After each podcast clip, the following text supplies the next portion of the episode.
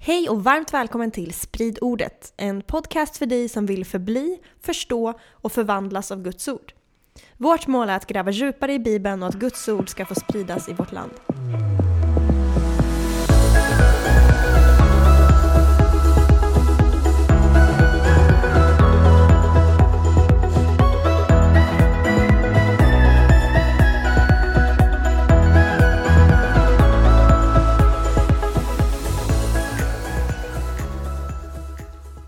Välkommen till ett nytt avsnitt i serien Profetior om Jesus med Petrus och Jenny vid vårt köksbord. Den du!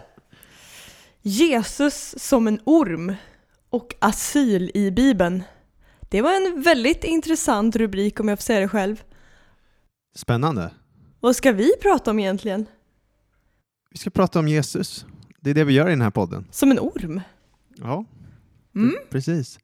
För tanken är ju nu att vi har ju gått igenom nu fem Moseböckerna ganska kronologiskt. Vi har pratat om huvudpersonerna i de här, Mm. eh, i, i Toran och hur, hur de tillsammans bildar ett porträtt av den kommande Messias och hur vi förväntar oss att han ska se ut och vad, vad storyn pekar på och leder oss fram till. Det har vi gjort. Och det vi sett hittills är ju då att det verkar vara ett enat budskap som leder fram till Jesus. Och de här är skrifter som är skrivet långt innan Jesus. Sjukt spännande. Verkligen spännande. Mm, och en grej som, jag, som slog mig för några avsnitt sen när vi spelade in, att, eh, att allting verkade så perfekt arrangerat. Då fick jag nästan så här lite tvivel. Att så här, ja men det kanske bara är en saga då. Kanske bara är påhittat i efterhand eftersom allting vävs ihop. Så vi bara klurade lite på det. Och sen kom jag att tänka på, ja men arkeologin bekräftar ju många av de här personerna som har funnits. Arkeologin bekräftar Jesus, bekräftar gammal, gamla testamentliga skrifter och jag bara wow! Och vips försvann de där tvivlen. Precis, för det är ju inte bara eh, berättelser utan det är också historiska skeden. Ja. Sen det jag kan förstå är ju liksom att i de här berättelserna, speciellt de här eh, Moseböckerna och sen Domarboken också, det är ju att det är väldigt färggranna eh, berättelser som eh, ibland, alltså de är skrivna verkligen i ett berättar, alltså berättelseperspektiv. Det är inte eh, kameraövervakningsperspektivet. Det är Va? inte som om vi satte en kamera där och beskriver allting så. Hur menar du? Alltså det, det är inte som att eh, jag har satt upp en, en kamera där och den filmar alla detaljer och som att jag tittar på en övervakningskameras film och Nej. som beskriver Moses liv eller Abrahams liv eller Nej. Man har- Adams liv. Man har ju valt ut de väsentliga delarna. Ja, och dessutom eh, ramat in dem på ett sätt som ska leda berättelsen framåt mot den här kommande Messias då, som Mm. vi sen märker Jesus uppfyller de kraven. Så det är, det är lite som att tänka att Bibeln är skriven ur ett profetiskt perspektiv. Som Snyggt. jag levde i Israel för back in the days och jag såg typ, vi säger en, en kung dö, eh, kung Josia dö. Då skulle jag som profet kunna förklara vad det har med Guds plan i historien att göra och beskriva det utifrån det perspektivet. Medan om jag var en vanlig israelit utan det profetiska perspektivet, då kanske jag skulle mer beskrivit det ur ett, ja men säg en övervakningskamera. Alltså, Mm, den här kungen dog då och det gick till på det här sättet. Ja. Och så skulle jag inte eh, väva samman det med den här profetiska berättelsen. Men författarna som har skrivit har en profetisk vinkel. Precis. Och det är det, de glasen vi bör sätta på oss. Men ändå, det vi kan vara så säkra på är att alla skrifter i Gamla Testamentet är skrivna innan Jesu tid. Ja. Långt innan. Minst tre sekel innan. ja. Men mest sannolikt mycket mer innan det också, flera av dem. Det är så fascinerande. Ja, och då när vi ser hur mycket Jesus uppfyller, det är då vi kan inse att Jesus faktiskt är den han påstod sig vara.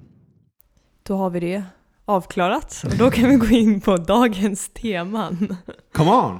Come on! Så vi ska börja med kanske den konstigaste typen, kanske den konstigaste representationen av Jesus, eller Kristus då, i hela Bibeln. För det är en orm. En orm. En kopparorm. Mm. Varför är det konstigt?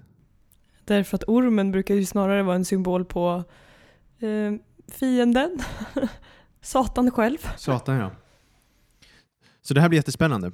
Så vi ska, ja det blir sista avsnittet då när vi kör lite i Torah då, fem Moseböckerna. Så vi hoppar till fjärde Mosebok 21 här och i den berättelsen så är det hur Israels barn, eller Israels folk, då vandrar i öknen Ja. och de börjar frustrera Gud för att de går runt och knota och klaga. Så detta är under Moses eh, vandring. Ja, precis, i öknen. Och vid ett av de här tillfällena när de håller på att klaga och whina och vara allmänt störiga, då blir Gud så provocerad att han sänder dödliga ormar som straff för deras beteende. Fett jobbigt. Eh, och då så säger folket till Mose, nej Mose kan du inte gå in i förbön för oss, ställ dig i gapet och be till Herren för oss. Mose går in, ber för eh, folket och Herren ger honom då en jätte, jättekonstig lösning. Gör en kopparorm, sätt upp den på en påle och var och en som ser på den kommer bli botad. Och man Ja. bara, jaha, varför kunde du inte bara helat dem Gud? Varför ska du använda den här mekanismen? Mycket skum berättelse. Jätteskum. Eh, men så att man ska säga att vi inte hittar på er så kan vi läsa texten också. Fjärde Mosebok 21 från vers 4. De bröt upp från berget Hor och tog vägen mot Röda havet för att gå omkring Edoms land. Men under vägen blev folket otåligt. Och folket talade mot Gud och mot Mose och sa varför har ni fört oss upp ur Egypten så att vi måste dö i öknen? Här finns ju varken bröd eller vatten och vår själ avskyr den eländiga mat vi får. Då sände Herren giftiga ormar bland folket och de bet folket och många i Israel dog. Då kom folket till Mose och sa vi har syndat genom att vi talade mot Herren och mot dig. Be till Herren att han tar bort dessa ormar från oss. Och Mose bad för folket. Herren sa till Mose, gör dig en orm och sätt upp den på en påle. Den som har blivit ormbiten och ser på den ska leva. Mose gjorde då en kopparorm och satte upp den på en påle. Om någon blev biten av en orm fäste han blicken på kopparormen och fick leva. Ja. Så att ordet som används här för giftig orm är seraf på hebreiska, serafim, ormar. Låter det bekant? Känner du igen det ordet? Ja, det är väl väsen som är i himlen. Serafer. Just det. Exakt. I Jesaja 6 är det Precis. serafer. Det är ju änglaväsen eller andliga varelser. Ja, då. någon form av varelse. Och seraf, det kan översättas brännande. Då handlar det här om att de här väsendena i himlen som Jesaja ser, de är ju antagligen brinnande, de brinner eller eldskinande så. Mm. Men de här ormarna då, det är ju inte andliga varelser utan det är ju Hur vet du det? ormar, ser vi från kontexten ganska tydligt. Okej. Och varför kallas de brännande då? Ja men antingen är det att de är eldfärgande, skinande typ. Eller så gör de ont. Exakt, eller så bränns de när de bits. Aj. Men lärdomen i den här berättelsen det är ju att det är väldigt farligt att klaga. Ja, Vi måste vaka över våra hjärtan. det finns konsekvenser. Ja, och det finns knot och klagan som är direkt offensiv till Gud. Och liksom absolut att vi kan komma till Gud och eh, utgjuta våra bekymmer till honom. Men vi behöver faktiskt vakta vår tunga också så att vi inte går runt och klagar och knotar och är allmänt negativa. Ja. Vilket Det- är lätt hänt. Ja, och det är väl en av de synder som är lättast att falla in i. Ja. Det är som allt som har med tungan att göra är väl Ja. rätt lätt. ja, exakt, exakt. Ja, men då är det frågan varför ger Gud Mose en sån här sjukt konstig lösning? Och egentligen, det finns, det är, det är, jättesvårt att förklara det här ur ett historiskt sammanhang. Mm. Du kan gå igenom hela gamla testamentet och du får inte en enda förklaring om varför Gud valde en så random lösning. Det finns inte någon sån här historisk text om hur andra folk gjorde något med kopparödlor.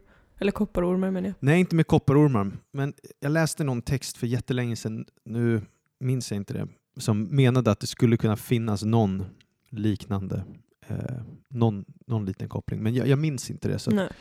Men det, det överväldigande är att det är inte en- common practice liksom, bland den gamla främre orienten att utöva det här beteendet. Liksom. Så vi lär oss av den här texten att Gud är kreativ. Ja, och det sjuka är, det sjuka med det här är att det upp, den här kopparormen dyker upp en gång till i det, det vi kristna kallar Gamla Testamentet då, i Andra Kungaboken. Just. Och ska vi läsa det? Andra Kungaboken Ja. 18 här. Då har kopparormen fått en annan betydelse. Ja, ja, vi läser det i vers 4.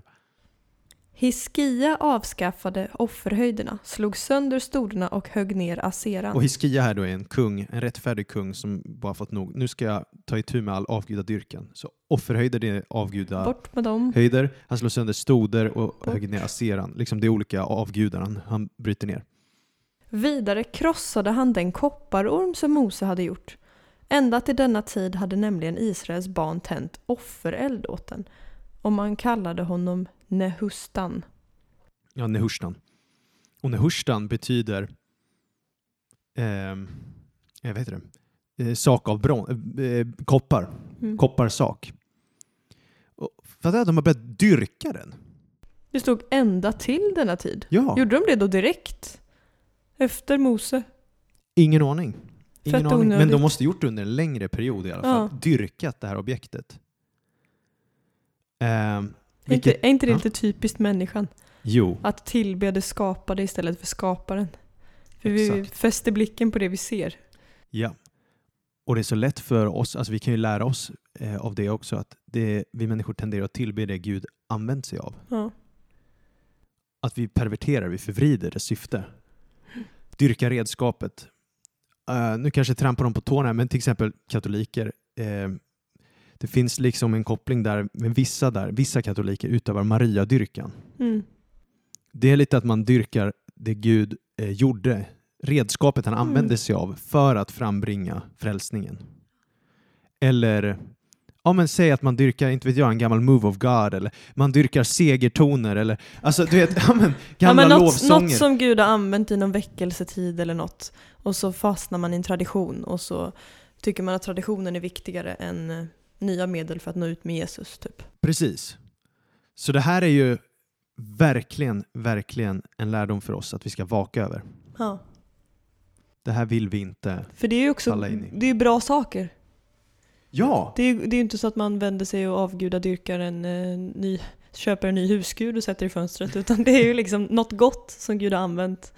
Ehm, och så fastnar man i Men han det. kommer göra något nytt i framtiden. Come on, Det är preach! det. Det är exakt så. Och det är nog därför Jesus i evangelierna går till sådana extrema längder att bota folk på olika sätt varje gång. För det är inte en Aha. formel. Nej, det är ingen magisk grej. Nej, alltså ibland botar han en blind genom att spotta på honom och använda sig av lera. En annan gång lägger han händerna på den, en annan gång. Och du vet, det är helt Ja. olika tillvägagångssätt. Och det finns ingen metod.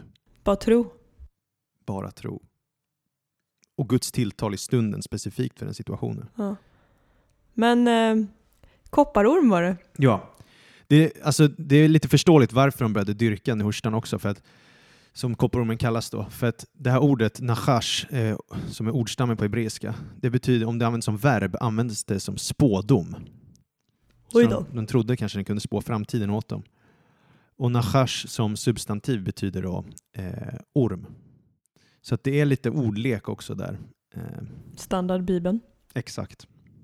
Men man kan läsa hela Tanakh, hela Gamla Testamentet, alla första 39 böckerna innan Jesus och vi får ingen förklaring om varför Gud använde sig av en sån här märklig mekanism för frälsning. Men Men, när vi kommer till Nya Testamentet, då får vi förklaringen. då. Och då kommer vi se att den här incidenten faktiskt banar väg för, rullar upp röda mattan för den mest kända bibelversen i hela världshistorien, Johannes 3.16. Så om vi läser Johannes 3 från vers 13 till 16. Nu ni. Hur vänder Gud det från en orm till ty så älskade Gud? Här kommer det. Ingen har stigit upp i himlen utom han som kom ner från himlen. Människosonen som är i himlen. Och liksom Mose upphöjde ormen i öknen så måste Människosonen bli upphöjd för att var och en som tror på honom ska ha evigt liv. Ty så älskade Gud världen att han utgav sin enfödde son för att den som tror på honom inte ska gå förlorad utan ha evigt liv. Där har vi det. Så som Mose upphöjde ormen i öknen, så ska Människosonen bli upphöjd. Okej, så det finns massa paralleller här mellan Jesus och hans favorittitel Människosonen, som vi Hans favorittitel är inte Kopparormen. då. Nej. Människosonen får vi ett annat avsnitt om. Men att det finns en koppling mellan Jesus och kopparormen. Mm. Och som den blev upphöjd så ska Människosonen bli upphöjd. Och i Johannes evangeliet handlar bli upphöjd om alltid om korset.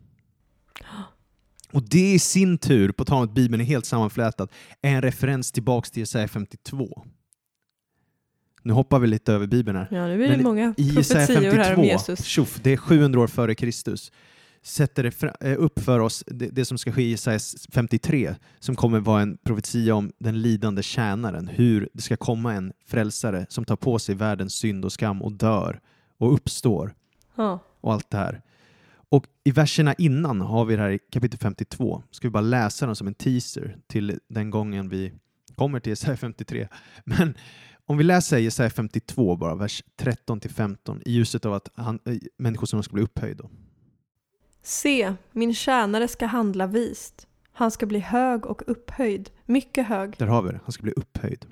Liksom många häpnade över dig, så ska hans utseende fördärvas mer än människors och hans gestalt mer än Adams barn. Så vad säger den versen? Det säger att ha- hans utseende, alltså min tjänare, det är en profetia om Jesus, hans utseende ska fördärvas mer än människors och hans gestalt mer än Adams barn.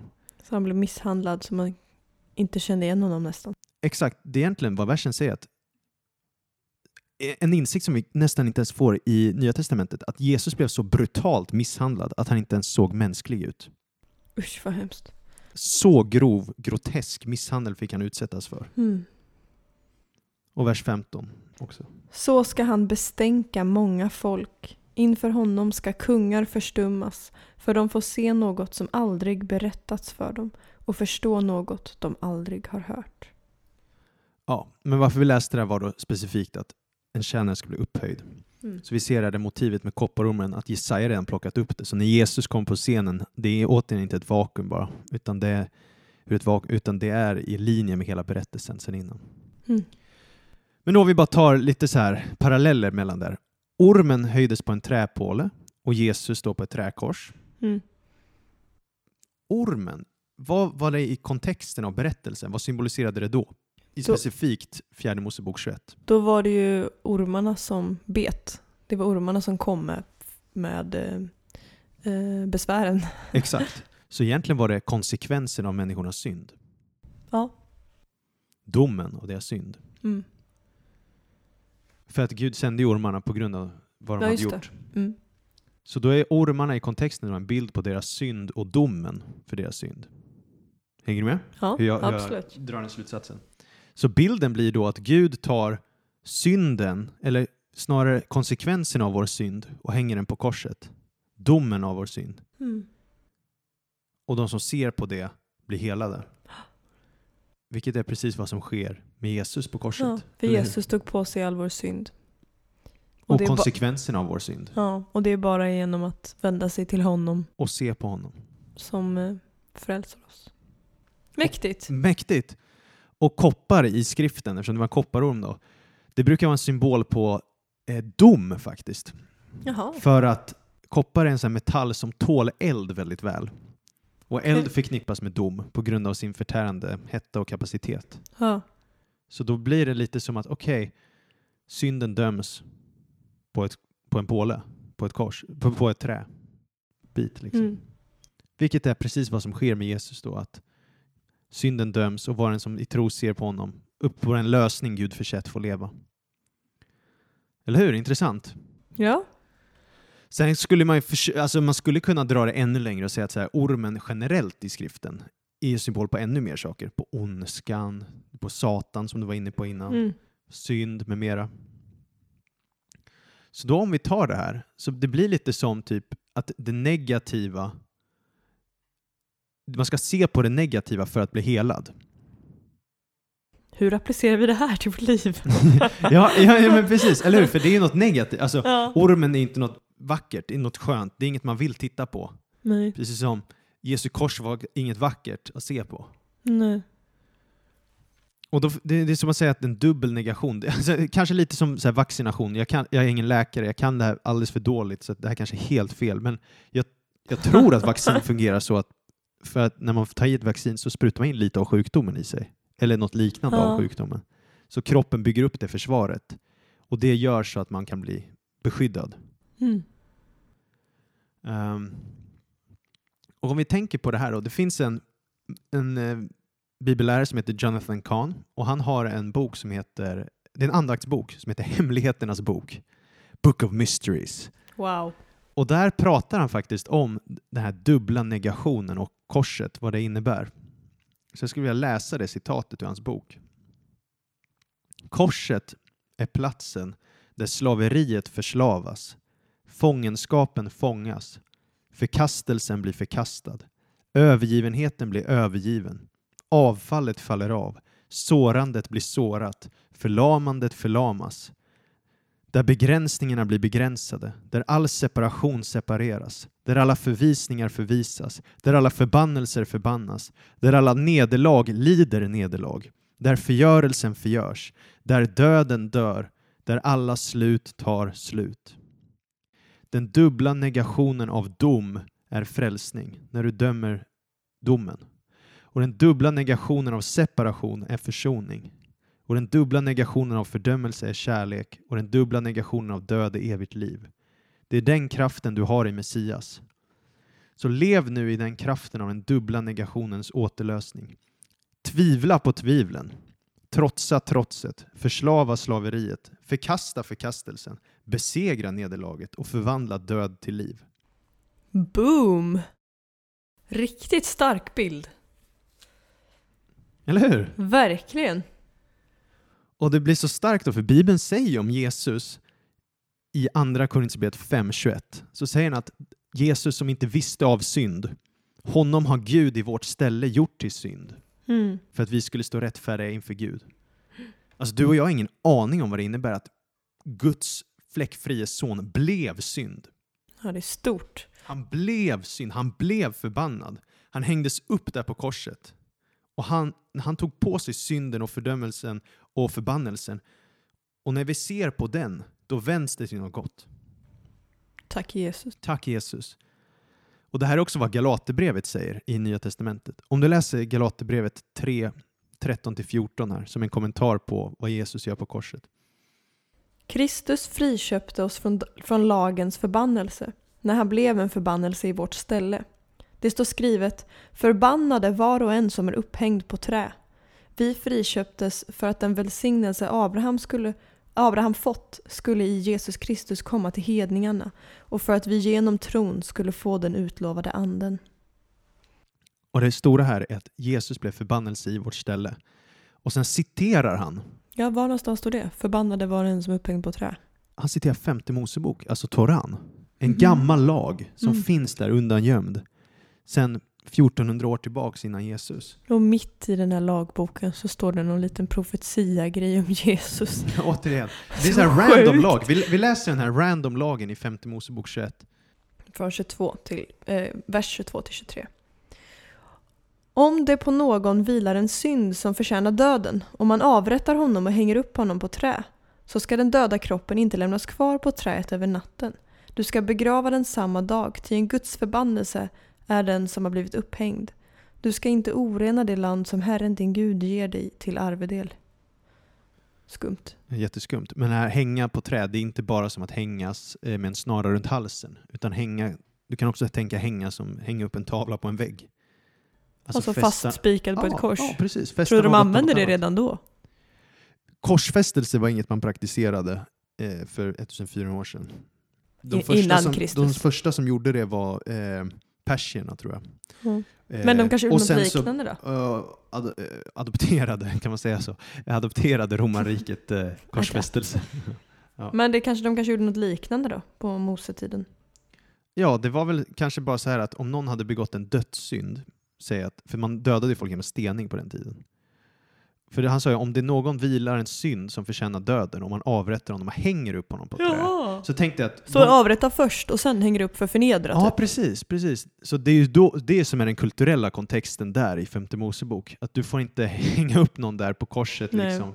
För att, eller, ja. Man dödar först och sen hänger man upp. ja, man stenar dem och sen så hänger du upp dem som, till förnedring, deras döda Mm. kropp på ett trä. Gjorde de inte så med kungar och sånt här? Jo, det finns mycket sånt där. Skumma grejer. Men här är ju poängen då att någon som drabbats av lagens förbannelse dör. Och om man bryter mot lagen kommer man under förbannelsen som resulterar i död. Ja.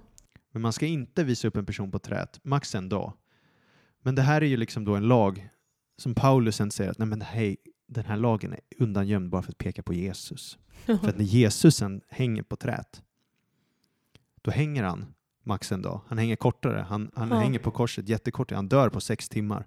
Och sen strax därefter tas han ner för det är sabbat därpå. Och han dör ju på påskdagen. Mm. Och direkt efter en sabbat. Så att han måste tas ner från korset. Och han uppfyller det här att han blir redan en förbannelse Mm. på det här. Och det vänds då till välsignelse. Det är så wow alltså. Så det här är liksom lite små glimtar som i förväg pekar på Jesus. En liknelse på det här skulle vara, jag hörde en lite rolig liknelse. Det, det, det, det är en, eh, han är YouTube-predikant. Det låter inte så förtroendeingivande, men han är, han är duktig. Han heter Mike Winger. Och han, han, han sa faktiskt en ganska bra liknelse kring lagarna i Gamla Testamentet. Vissa Ja. av dem. Vissa av lagarna. Att de är lite som, har du sett filmen Karate Kid?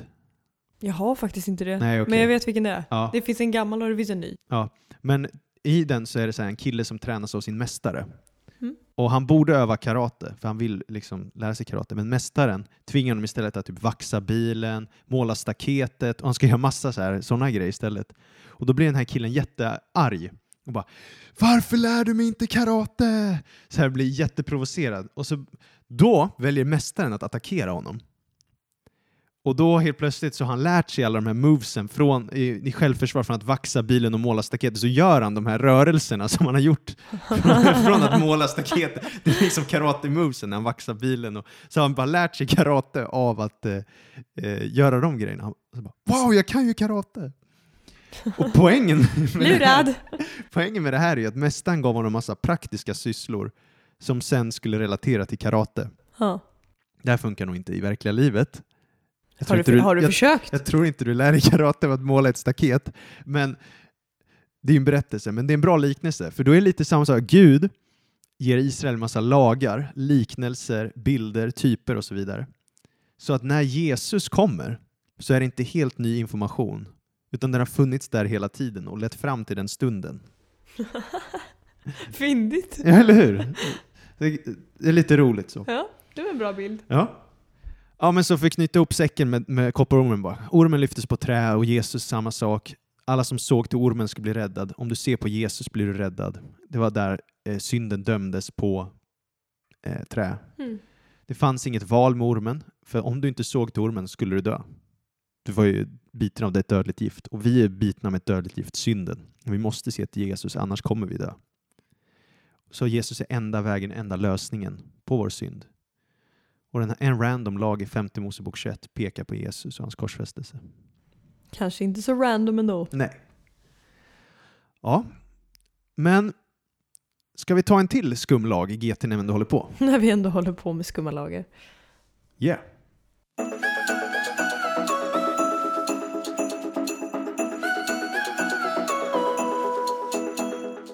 Okej, det här är eh, en lag som gäller fristäder. Fristäder är ett uttryck Svenska folkbibelns översättning använder sig av. Eh, Bibel 2000 säger asylstäder.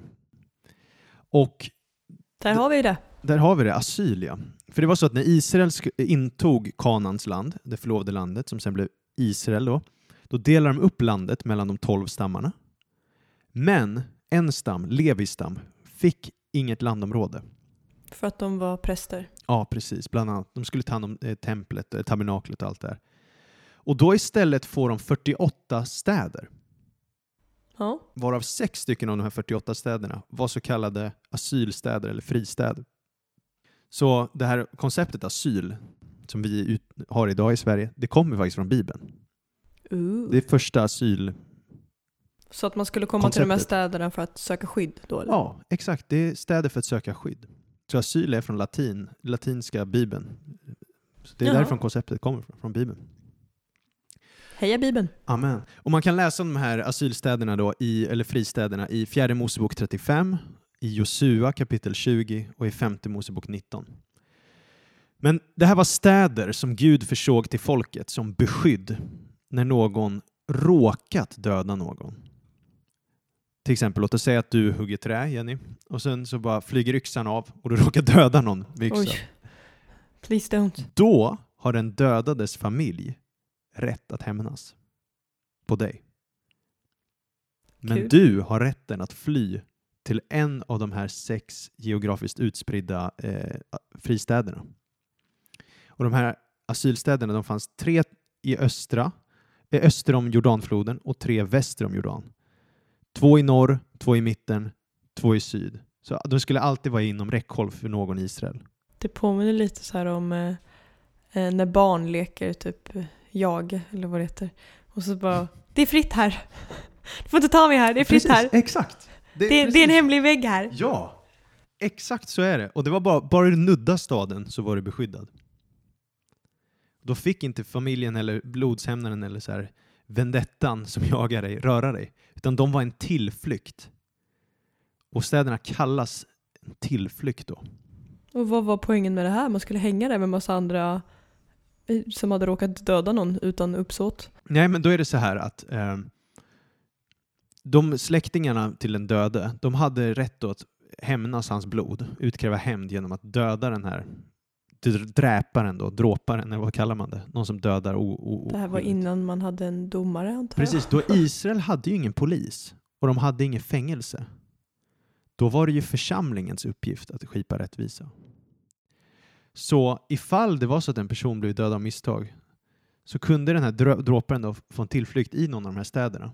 Och om han kan bevisa för folket i staden att han in, eh, inte hade begått det här mordet om berått mod. Alltså han hade dråpet. Gjort, dråpet, ja. Inte med avsikt. Då var han beskyddad i staden från blodshämndaren. Och hur i hela friden skulle han bevisa det? Ja, men han skulle också ställas inför rätta sen i någon form av eh, liknande domstol. Så. Ja. Och så skulle de utreda det här fallet.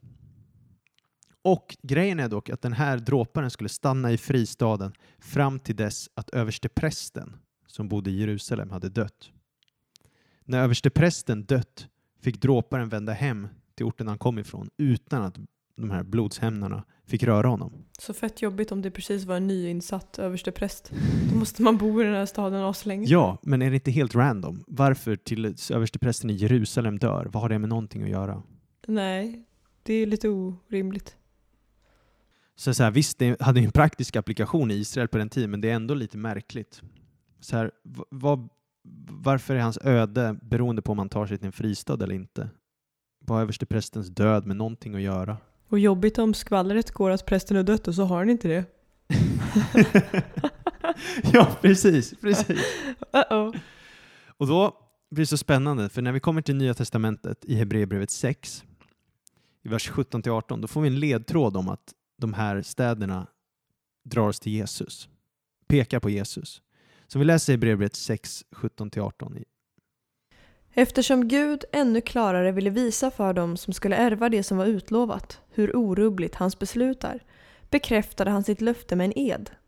Så skulle vi genom två orubbliga uttalanden, i vilka Gud omöjligt kan ljuga, få en kraftig uppmuntran, vi som har sökt vår tillflykt i att hålla fast vid det hopp vi äger. Vi som sökt vår tillflykt i att hålla fast vid det hopp vi äger. Här kallas Jesus för en tillflykt. Är det samma ord som för fristäderna då eller? Det är inte ordet för fristäder, men fristäderna kallas tillflykt. Eh, det är faktiskt så att det här ordet tillflykt på grekiska, för Nya Testamentet är skrivet på grekiska, det är kata feugo. Och det här ordet finns ju också i Gamla Testamentet då, i den grekiska översättningen av GT, av mm. Tanak, som heter Septuagintan. Och det här ordet katafeugo används väldigt sällan.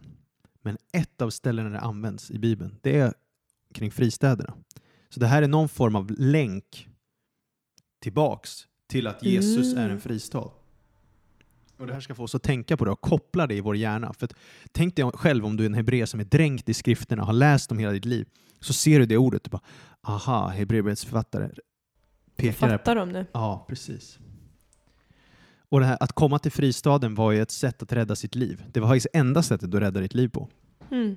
Och enda frälsningen för oss är att fly äh, till Jesus för att rädda vårt liv. Boom. Och det här var de enda städerna i Israel som aldrig skulle stängas.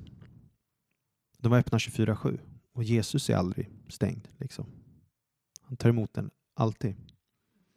Och fristäderna var till för alla. Det var inte bara judar det här gällde, utan även främlingen som var i landet. Mm -hmm. Precis som frälsningen är tillgänglig för alla. Come on somebody. Så Jesus är vår eviga tillflykt. När vi flyr till honom, då kan ingen blodshämnare nå oss. Och Det som blir så spännande med det här, det är ju för att man kunde fly dit om man inte hade begått det med berått mod. Då. Och Jesus, när han dör på korset, då kan man ju säga att man mördar honom. Men Ja. när Jesus hänger på korset, vad säger han för något? Han Ja. säger, Bland annat säger han förlåt dem för de vet inte vad de gör. de vet inte vad de gör.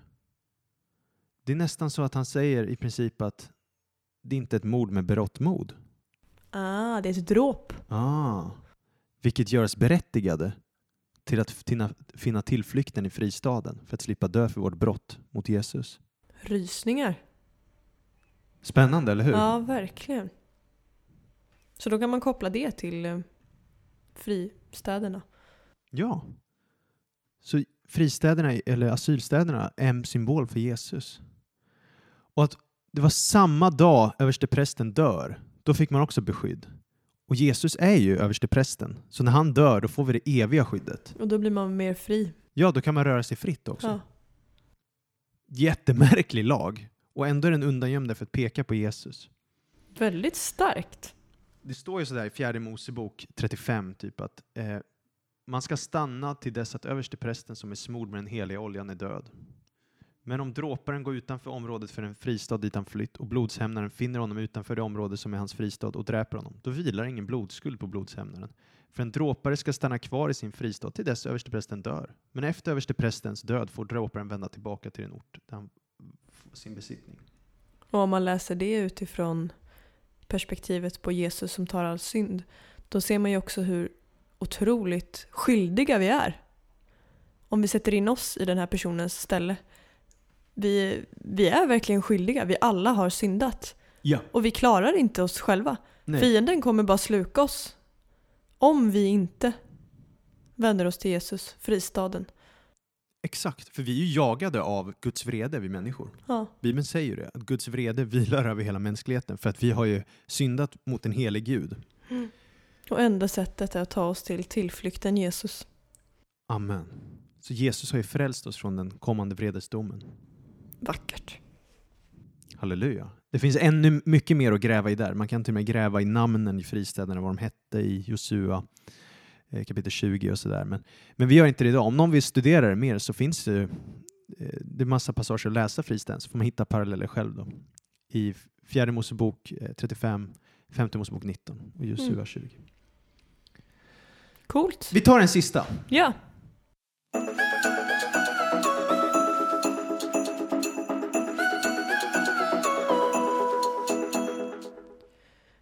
Och nu ska vi läsa, eller vi ska prata om ett stycke i Bibeln som om man inte vet om det här så verkar det väldigt, väldigt ointressant fakta som läses upp. Ehm, vad ska vi göra nu Petrus? Ja men lite det här att, precis som när vi gick igenom typ släktled och sånt där, att det, det kan Det vara låter jättetråkigt när man bara läser det. det är väldigt boring på ytan. Men när man gräver i det så blir det intressant. Och det är ofta så med Bibeln. Så håll i hatten, nu kommer det. Håll i hatten. Så, för den som läst Moseböckerna så känner man säkert till att Moses, Mose eh, fick instruktioner från Gud på Sinai berg, inte bara om de tio budorden utan också om instruktioner till tabernaklet. Yes. Och tabernaklet var som ett mobilt eh, tempel. Det var som ett tält man slog upp och där bodde Guds närvaro. Ja. Och det är en jättestark bild på Jesus. Superstark bild med profetier om det. Och Jesus påstår sig vara massa av de här elementen i templet när han säger att han är världens ljus, livets bröd och dörren i Nya Testamentet. Du bara spottar ut massa liknelser här. Ja, men det behöver vi inte gå in på idag. Det ska vi inte behandla heller i den här serien. Men tabernaklet är jätteviktigt för det tar upp mer utrymme i Bibeln än nästan något annat ämne. Hur som helst, tabernaklet var i alla fall något som följde Israel när de körde i öknen och kampade och åkte runt med lägret där i öknen. Och det sattes alltid upp i mitten av Israels läger. Just det. Och det var tillskrivet Levis stams skötsel, så Levi stam, skulle, eh, stammen Levi, skulle ta hand om det här tabernaklet. De skulle eh, bära det när det bröt upp och de skulle sätta upp det när de stannade och de skulle slå läger runt omkring det här tabernaklet.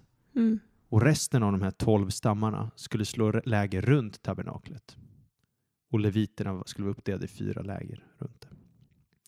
Och det som är intressant här då är också att man säger att Israel är tolv stammar, men man kan Ja. också säga att det är tretton stammar.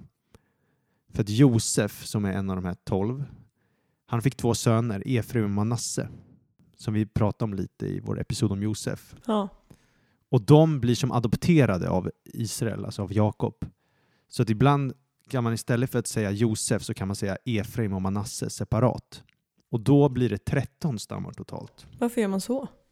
Det är för att ibland vill man, eh, man vill liksom kunna mixa upp det och blanda vilka som ingår i de 12. För alltid när de listar stammarna så listas de som 12, men alltid utelämnas en. Jaha. Och om man inte vill utelämna en, då säger man Josef istället för Efraim eller Manasse. Annars om man vill utelämna typ Efraim, då säger man Manasse. Och... Fett konstigt. Ja, Det tar vi någon annan gång. Men varför alls. jag säger det här bara, det är för att eh, det är ju 12 stammar som kampar runt omkring och lever i mitten. Så då blir det ju 13 totalt. Hänger du med? Mm. Och det här är viktigt då, varför då? Jo, därför att de här stammarna skulle delas in i fyra riktningar.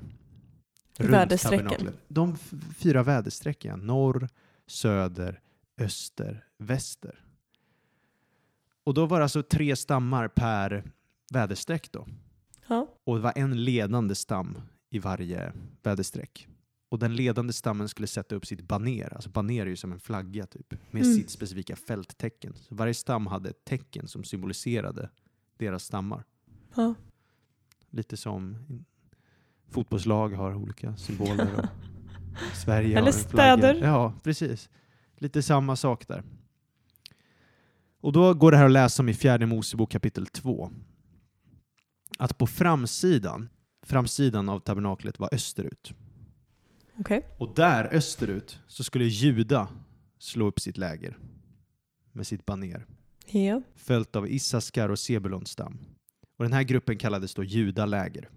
För Juda var den ledande stammen. Exakt. Och de bestod av 186 400 man totalt. Okej. Och Judas baner var ett lejon. Så när flaggan vimplade där var ett lejon. Och Juda betyder lovsång. Och vägen in i tabernaklet var i österut, så för att ta sig in i tabernaklet behövde man gå in via lovsång. Amen. Så det är liksom, en, när psalm 100, 100, psalm 100 säger att gå in i hans portar med tacksägelse, hans gårdar med lov. Då är det att du går in i Ah. lovsång in i hans tabernaklet. Ho, wow, lovsång är vägen in i Guds närvaro. Det är en Wow. preach det också. Det är en preach. Och inte bara det, utan Jesus kommer ju sen från Judas stam. Och det är ju via judar du tar dig in i tabernaklet. Så via Jesus. Ja, det är också en preach. Men söderut då? Ja, vad hände där? Där kampade Rubens läger. Och då var det Ruben, Simeon och Gad. Och då var det totalt 151 000 man. Och Rubens baner var en människa. Det var inte lika coolt. Det är inte lika coolt som ett lejon. Västerut så är det Efraim. Efraim, Manasse och Benjamin kampar ditåt. Och Efraims baner bestod av en oxe. Det var lite coolare. Lite coolare. Och sen eh, norrut, då var det Dans stam som var liksom den ledande ihop med A- Aser och Naftali. Totalt 157 600 man enligt fjärde Mosebok 2.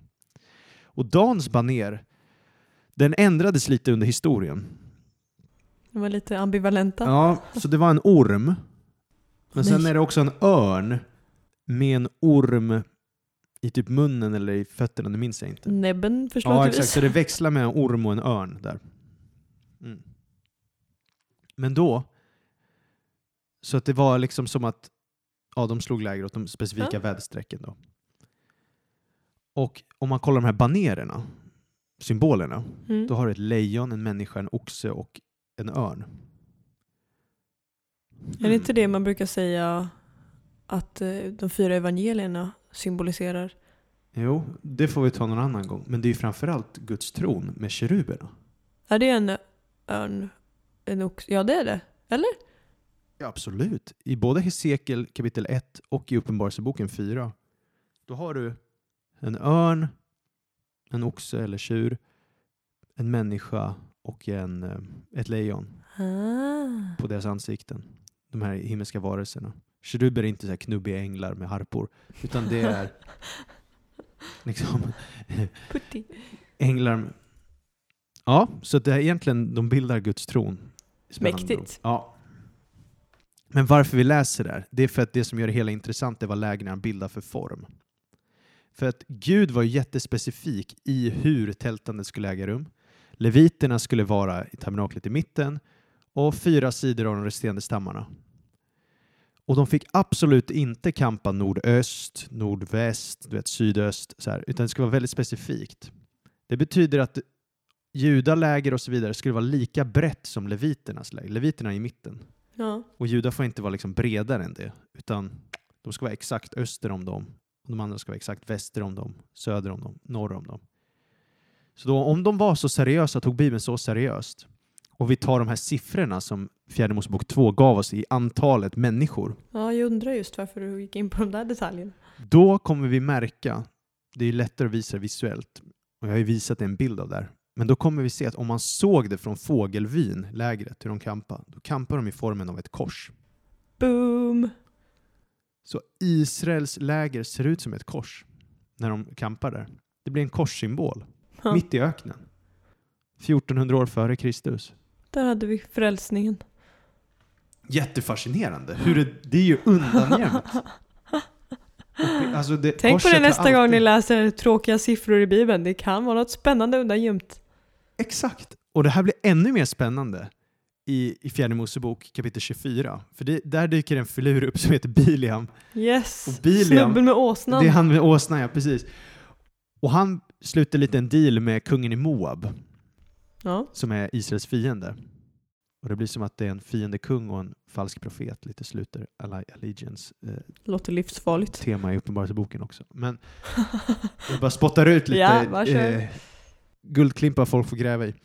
Men Biliam i alla fall, profeten, han får lite deal med den här kungen i Moab. Han ska förbanna Så fast folk. Biliam har kommunikation med Herren, den levande guden, så väljer han nu att gå emot Israel. För att Israel har vandrat i öknen i 40 år. Och den här kungen i Moab är livrädd så att han säger till Biliam, Hej Biliam, be till Gud att Gud förbannar Israel. Och då gör Biliam verkligen uppriktiga försök till det. Han gör ett försök, men så fort han ska förbanna så sätter Gud välsignelse, eller så här, ja, eh, välsignelse i hans mun istället.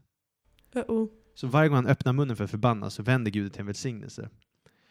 Och han gör det två gånger och Bileam blir jättearg och frustrerad. Och tredje gången, då tänker han inte använda sig av samma teknik längre. Utan då säger han nej, nu ska jag bara gå upp på ett berg. Och då är det så att han inte ens öppnar munnen, utan när han går upp på berget, då står det så här i fjärde Mosebok 24, i vers 1 och 2, om du läser det. När Bileam såg att det behagade Herren att välsigna Israel gick han inte som förut bort och såg efter spåtecken utan vände sig mot öknen. Och när Bileam höjde blicken såg han Israel i sina läger efter sina stammar och Guds ande kom över honom. Så, det här är jättespännande. Biliam går upp på ett berg, han får utsikt över ödemarken. Och istället för att se efter spåtecken så ser han ut över Israels läger. Och den här gången öppnar han inte ens munnen, utan så fort han bara ser, och vad ser han för något igen? Han ser korset. Och när han ser korset, då kommer Guds ande över honom och han välsignar. Kaboom! Det är bra grejer alltså. Good Så- stuff i Bibeln. Good stuff. Så här har vi en andlig lärdom att när fienden försöker kasta förbannelse på Guds folk och, och han ser korset, då vänder han förbannelse till välsignelse. Ja. det vi pratade om med kopparormen. Mm. Och det som är så spännande med Biliam då är att nu när anden kommer över honom, då börjar han profetera massa. Och han profeterar sanning här då. Och han profeterar där i fjärde Mosebok 24. Flera olika saker. Men det han kommer göra här är att han kommer ge oss den femte explicita, uttryckliga messianska profetian i Toran. Någonsin. För första var eh, första eh, Mosebok 3, 15, när Gud säger till ormen så här, jag ska sätta fiendskap mellan dig och kvinnan och eh, kvinnans avkomma ska krossa ditt huvud. Andra var i första Mosebok 9, när Gud pratar om att han ska bo i Sems tält. Tredje är i första Mosebok 12, när han lovar att Abraham genom hans säd ska han välsigna hela världen. Mm. Fjär, eh, fjärde ja, Mm. är Första Mosebok 49, som vi pratade om i Josef-avsnittet, att från Judas stam ska spiran inte vika och inte härskarstaven för hans fötter förrän han som den tillhör kommer. Att det ska komma en kung från Judas stam. Mm. Och Och nu, nu kommer den här femte uttryckliga då. Och det är Biliam. Om vi läser det i fjärde Mosebok 24 från vers 15. så säger Biliam, Beors son. Så säger mannen med det slutna ögat. Så säger han som hör Guds ord och har kunskap från den högste. Han skådar syner från den allsmäktige när han faller ner och får sina ögon öppnade. Jag ser honom, men inte nu. Jag skådar honom, men inte nära. En stjärna träder fram ur Jakob. En spira höjer sig ur Israel. Mm, en stjärna och en spira från Israel. Och vad ska den här stjärnan, vad ska den här spiran göra för något? Den krossar Moabs tinningar och slår ner alla söner till Set. Han ska få till besittning Edom och Seir, sina fiender. Ja, Israel ska göra mäktiga ting. Ur Jakob ska en härskare komma och de överlevande ska han utrota ur staden. Fattar du vad, det där, vad den sa för något? Alltså det, det som är spännande tycker jag är i vers 17 när han skriver att jag ser honom, men inte nu. Mm. Han ser korset, men han ser ju inte Jesus just nu, men han ser ju honom. Mm. Och sen en stjärna träder fram i Jakob. Vad menar han med stjärnan, Petrus? Alltså det här är ju en messiansk profetia. Då. Han säger att det är någon som kommer träda fram som kommer vara en stjärna och en spira. Och den här stjärnan, det är liksom, i judiska historien har man alltid tolkat det som att det här handlar om Messias. Det är faktiskt så att det fanns en man som kallade sig Simon bar Kochba, som betyder Simon stjärnans son. Det här var 132 år efter Kristus. Men det här, nej, jo, jo precis, efter Kristus. Men det här var judar som inte trodde på Jesus. Och han Mm. kallar sig då stjärnan och han försökte befria judarna från romarriket. Mm. Så han såg sig som ett uppfyllande av den profetian. Men han lyckades ju inte. Och en del menar att stjärnan skulle vara en referens till Matteus 2 i- i Nya Testamentet med de här vise männen och det. Ja. Betlehems stjärna. Men oavsett så är ju poängen att stjärnan och spiran är ju referens till första Mosebok 49, det här med att spiran ska inte vika från Juda Mm. och att det ska vara en regent, en kung som ska träda fram. Och det han ska göra är att han ska besegra alla fiender runt omkring. Och David uppfyller vissa delar av den, när kung David kommer på scenen, uppfyller han mycket av de här profetiorna. Han besegrar Moab och Edom. Men vi ser här också att, han ska, att den här som Bilian pratar om kommer göra ännu mer saker.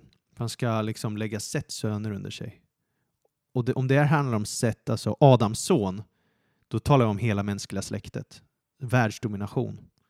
Världsdominerande. Att någon från Israel ska regera över hela världen. Så det här är en profetia om Jesus då, som han uppfyller sen. Och som han ser. Mm. Det är också så mäktigt att han letar efter syner och så ser han korset. När han står där uppe, Ja, precis. Han såg lägret. Exakt. Ja. Ja. exakt. så han ser ju korset när han säger det här. Ja, precis. Anden har kommit över honom för att han såg korset. Starka grejer. Ja, så att sammanfattningsvis så, vi började med kopparormen, vi avslutar med korset. Ah, Och allting pekar på korset. Allting handlar om att Gud vän- vänder förbannelse till välsignelse. Ja. Så om du som lyssnar på det här går igenom prövning just nu med ondska eller svårigheter eller förbannelse, alltså så här, det är mörker. Gud kommer vända det till något gott. Det gjorde han på korset. Och när vi tror på Jesus så kan vi leva i den segern. Ja, Amen. amen. Tack att ni har lyssnat. Hoppas ni fått ut något av det. Så uh, hörs vi snart igen.